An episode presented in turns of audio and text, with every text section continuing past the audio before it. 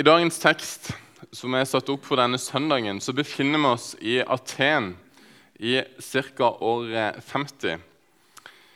På mange måter så var det fremdeles det intellektuelle senteret i verden, med sine mange filosofer og rike tradisjoner. Og det var et gigantisk antall avguder som fantes i Aten. Kanskje opp mot 30 000 ulike guder. Paulus hadde egentlig ikke hatt eh, noen planer om å dra dit, men han ble jaga dit. Men når han først var kommet der, så gikk Paulus rundt i Aten.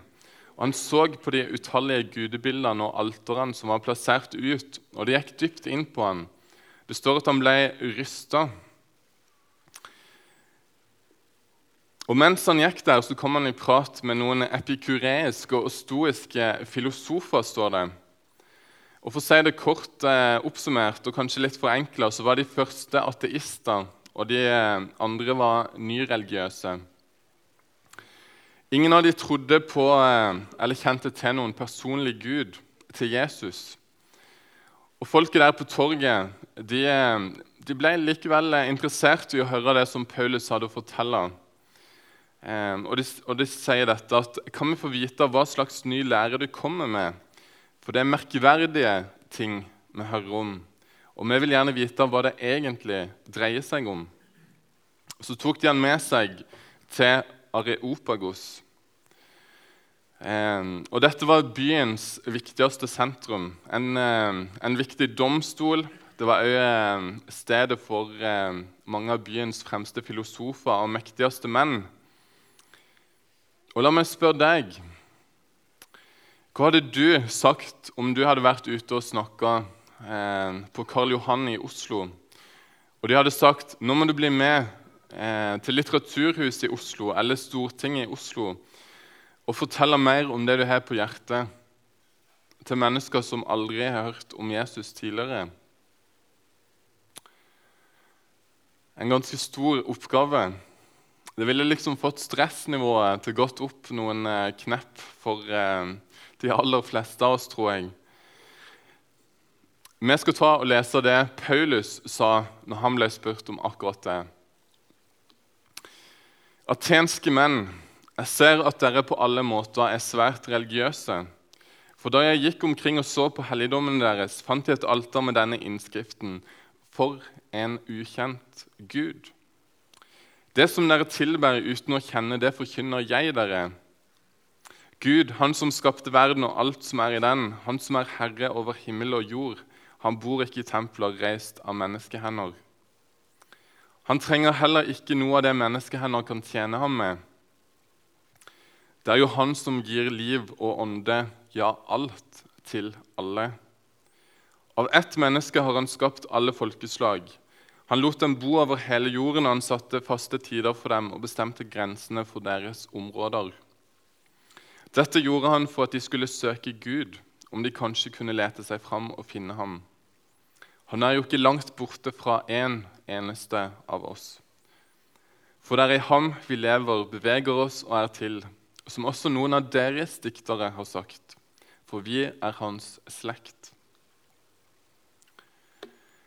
Fordi vi altså er Guds slekt, må vi ikke tenke at guddommen ligner et bilde av gull eller sølv eller stein, formet av mennesker, kun, menneskers kunst eller tanke. Disse tidene med uvitenhet har Gud båret over med, men nå befaler han alle mennesker, hvor de enn er, at de må vende om. For han har fastsatt en dag da han skal dømme verden med rettferd, ved en mann han har utpekt til dette. Det har han bekreftet for alle mennesker ved å reise ham opp fra de døde. Da de hørte om oppstandelse fra de døde, gjorde noen narr av ham, men andre sa, 'Vi vil gjerne høre deg tale mer om dette en annen gang.' Så gikk Paulus fra dem, men det var noen som sluttet seg til ham og kom til tro. Blant dem var Dionysios fra Areopagosrådet og en kvinne som heter Maris, og noen andre.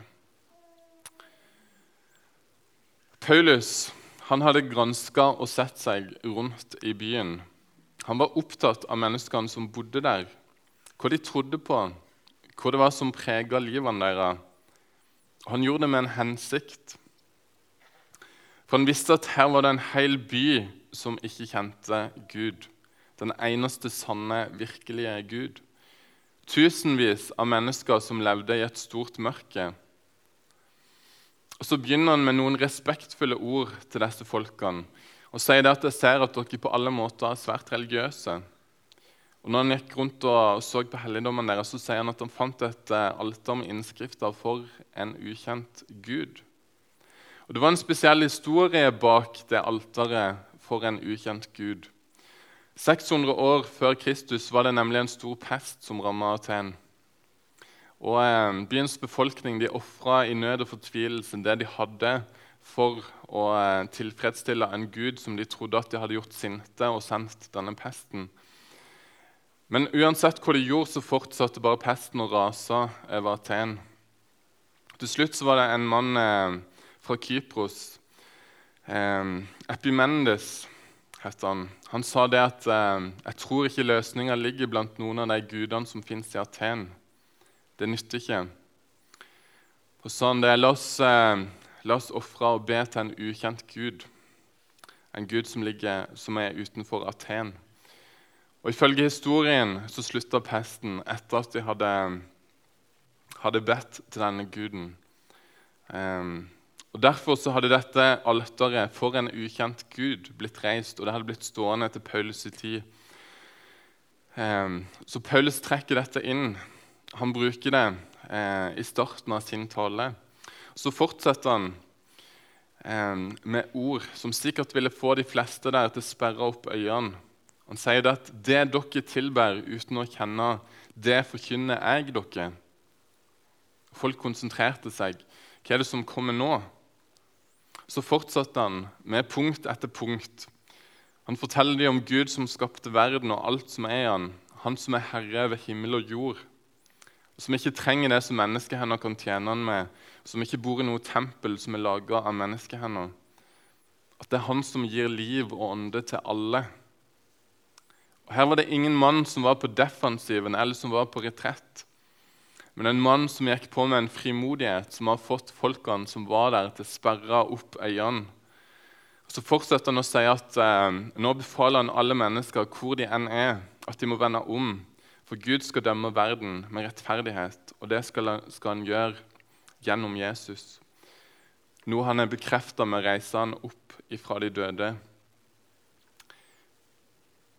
Det var litt av en verbal kanonade på alt det de sto for, disse 30 000 gudene som de allerede hadde i Aten.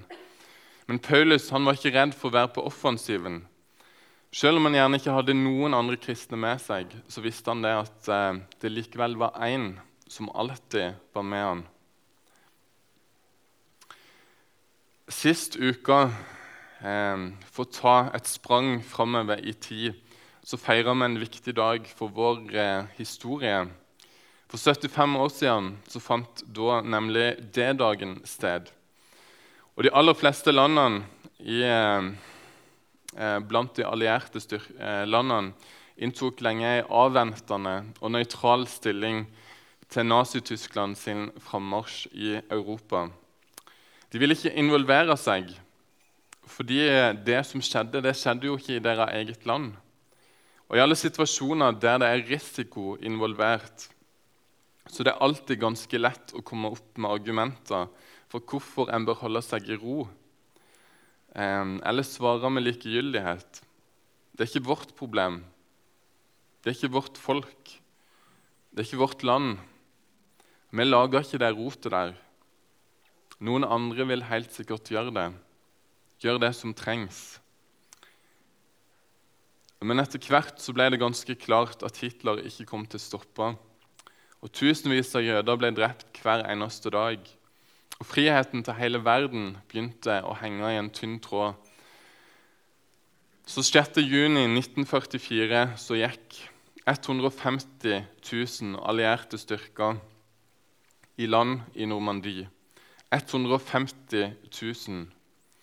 Og det var 5000 båter, den største sjøbaserte landgangen i verdens historie, som var med på å storme strendene i Normandie Båtene som de brukte, det var såkalte Higgins-båter. De var ikke særlig store, men de kunne fylles med et stort antall soldater. Og de kunne komme veldig nær inn på strendene. Men når de kom inn til strendene, og de store metallplatene som var foran båten, ble fjerna, så starta kuleregnet å komme imot soldatene som var i båtene. Hitler han visste nemlig det at de allierte styrkene sannsynligvis ville komme til ilandsette langs strendene i dette området. Så han hadde bygd festningsverk. Og det var milevis med bunkere. Og det var ca. 4 millioner landminer som var lagt ut for å stoppe den allierte invasjonen. Og ofrene den dagen de ble enorme. 10 000 liv gikk tapt i slagene akkurat den dagen. Men de visste det at det var ingen vei for å beseire ondskap uten offer. At en ikke kan leve et nøytralt liv og bekjempe ondskap. Dette med at vi kan være nøytrale, at eh, noen andre kan gjøre det. At jeg er lykkeligere om jeg lever i likegyldighet og komfortabelhet enn å kjempe for noe som er større enn meg sjøl. Det er en skummel tilstand som vi fort kan innta.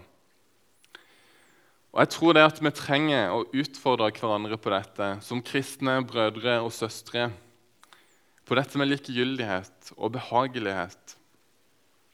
Det som Gud vil utrette gjennom oss, gjennom si kirke, det bygger på noe helt annet.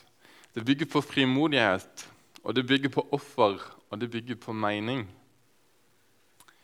Ofte så har vi ikke den tankegangen der. Vi lar oss heller overvelde av at hindringene er for store, at ting er for vanskelige, at motstanden virker altfor stor. Men det var ikke den tona som prega Det nye testamentet. Det var ikke det, den tona der som prega Paulus sin tale i Aten. Den er prega noe helt annet. Nemlig det at det er ingenting som kan stoppe Guds rikes eh, framgang i denne verden. Uansett hvilke festningsverk som vår fiende har bygd opp, uansett hvor mange landminer han er plassert ut, så kan ikke Guds rikes framgang stoppe. Det vil seire. Og det gjør noe med oss, eller det burde i hvert fall gjøre noe med oss. At uansett hva det er som skjer, så kan ingenting stoppe Gud og det som han er satt i gang. Synd og mørke kan ikke stoppe det. Jesus tok seg av det på korset. Ingen myndigheter kan stoppe det. Forfølgelse kan ikke stoppe det, og fattigdom kan heller ikke stoppe det. Islam kan ikke stoppe det. Pride kan ikke stoppe det. Og døden kan ikke stoppe det. Det er ingenting som kan stoppe det. Hans makt den er større enn det vi fatter, og hans løfte de står fast for alltid. Og Guds kirke den vil aldri knekkes. I Matteus 16 så leser vi om eh, når Jesus snakker om å bygge si kirke. Og Jesus hadde tatt med seg disiplene til Cesarea Filippi denne dagen. Et sted som på mange måter ligna på det Aten som Paulus møtte i dagens tekst. Cesarea Filippi det var et sted du helst ikke ville komme til. I alle fall ikke om du var en gudfryktig person. Det var et mørkt sted. Det var et sted med mye ondskap, med prostitusjon, med avgudsdyrkelse. Og ingen rabbi ville ta med seg disiplene til noe sånt sted. Men Jesus han har altså tatt med seg disiplene sine akkurat her når han skal fortelle om å bygge si kirke. Og så har de en samtale. Jesus han sier det at eh, Hvem sier folk at menneskesønnen er? Litt sånn som at eh, ja, hos, eh, hvem er det egentlig folk sier at jeg er? De sier det kanskje ikke til meg direkte, men eh, hva er det dere hører der ute? Og Så svarer disiplene det at eh, noen sier døperen Johannes, andre Elia og andre igjen eh, Jeremia eller en annen av profetene. Eh, noe sånt som at eh, ja, det, folk vet at det er noe med deg, Jesus, men de er ikke helt sikre. De vet ikke helt hvordan de skal forholde seg til deg. De hører deg tale, og de ser mirakler. Og de prøver å forstå og forklare dette, Og um, dette her er i hvert fall noe av det de sier. Og så kommer det neste som Jesus gjør. Jesus gjør det han gjør. Han blir personlig. Han, eh, han ser på disiplene, og så sier han Og dere? spurte han. Hvem sier dere at jeg er? Han visste hvor vennene deres tenkte, han visste hvor familiene deres tenkte. Nå spør han deg. Hva tenker dere? Hva er det dere tror? Det er Jesus sin vei, og det er et oppdrag vi har fått som kristne å stille sånne spørsmål. Hvem sier du at Jesus er?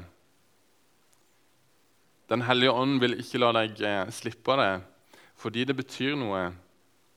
Hva tror du om Jesus? Og Hva om en ikke-kristen hadde spurt deg det spørsmålet? Kanskje var det en pinlig stillhet midt i her. Hva skulle de si nå? Kanskje var det noen som tenkte at 'kom igjen, Peter, du, du sier jo alltid noe'. Nå må, nå må, du si noe. Og Peter, han sier noe. Du er Messias, den levende Guds sønn. Du er Guds sønn. Og Så svarer Jesus han at eh, salig er du, Simon, sønn av Jonah, for dette er ikke kjøtt og blod åpenbart for deg, men min far i himmelen. Og jeg sier deg, du er Peter, og på denne klippa vil jeg bygge min kirke, og dødsrikets porter skal ikke få makt over den. Han snakker om sin plan, sin plan for kirka, og han gjør det ikke fra tempelet. Derfor betyr det noe hvor det er Jesus sier akkurat dette. Han snakker ikke om å bygge sin kirke innenfor Jerusalem sine trygge murer. Han eh, er ikke med den behagelige Genesaretsjøen, men han går og tar med seg disiplene til et sted som er mørkt og ødelagt. Det var jo det som møtte Paulus i Aten, av gudsdyrkelse. Det virker litt sånn antikvarisk. sant? Det er utdatert å tilbe Apollo og Hades. Vi er litt mer sofistikerte i, Norge i dag. Men er vi egentlig det? Eller er det egentlig det samme vi møter og blir prega av òg i Norge i dag? Er det ikke bare sånn at uh, avgudene i uh, grove trekk er de samme, men uh, templene og alterene ser litt annerledes ut? Når tida og fokuset til så mange mennesker i vårt samfunn blir slukt inn i begjær, i rikdom, i makt, i berømmelse og nytelse, så ser det ikke så veldig annerledes ut enn det egentlig gjorde i Aten. sånn egentlig. Det var bare litt mer synlig da. Men menneskets dypeste lengsel det fins ikke i noe av dette. Det fins i en for mange i Aten og for mange i Norge ukjent Gud. Den eneste sanne Gud, han som vi leser om i Bibelen. Han som kan gi det levende vann, som slukker tørsten for alltid. Han som er vårt håp. Så altså, Omstendighetene var på mange måter de samme. Men det virker som at det var en forskjell på Jesus i Cesarea Filippi og på Paulus i Aten og på oss i dag. Ehm, det virker i alle fall sånn. Jesus og de første kristne de, de var ikke på defensiven, som i at eh, kirka er kirka som egentlig bare jages fra skanse til skanse og så vidt unnslipper mørkets krefter. Men de hadde et perspektiv om at Guds rike og kirka den rykker fram mot dødens og mørkets porter.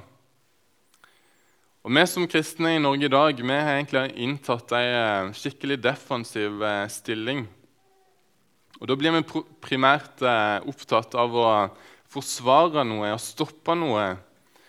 Men når vi som kristne er på offensiven, så er vi opptatt av å starte noe. Og Mange av oss er vokst opp med den der eh, defensive mentaliteten. Der det handler om å se truslene på utsida og stoppe det. Men det var ikke sånn de første kristne forandra verden. Det var ikke sånn Paulus gikk fram. Um, og han, eh, Paulus og de første kristne det var ikke folk med stor innflytelse eller med makt og posisjoner. Og De forandra ikke verden gjennom å prøve å stoppe alt det gale som skjedde rundt dem.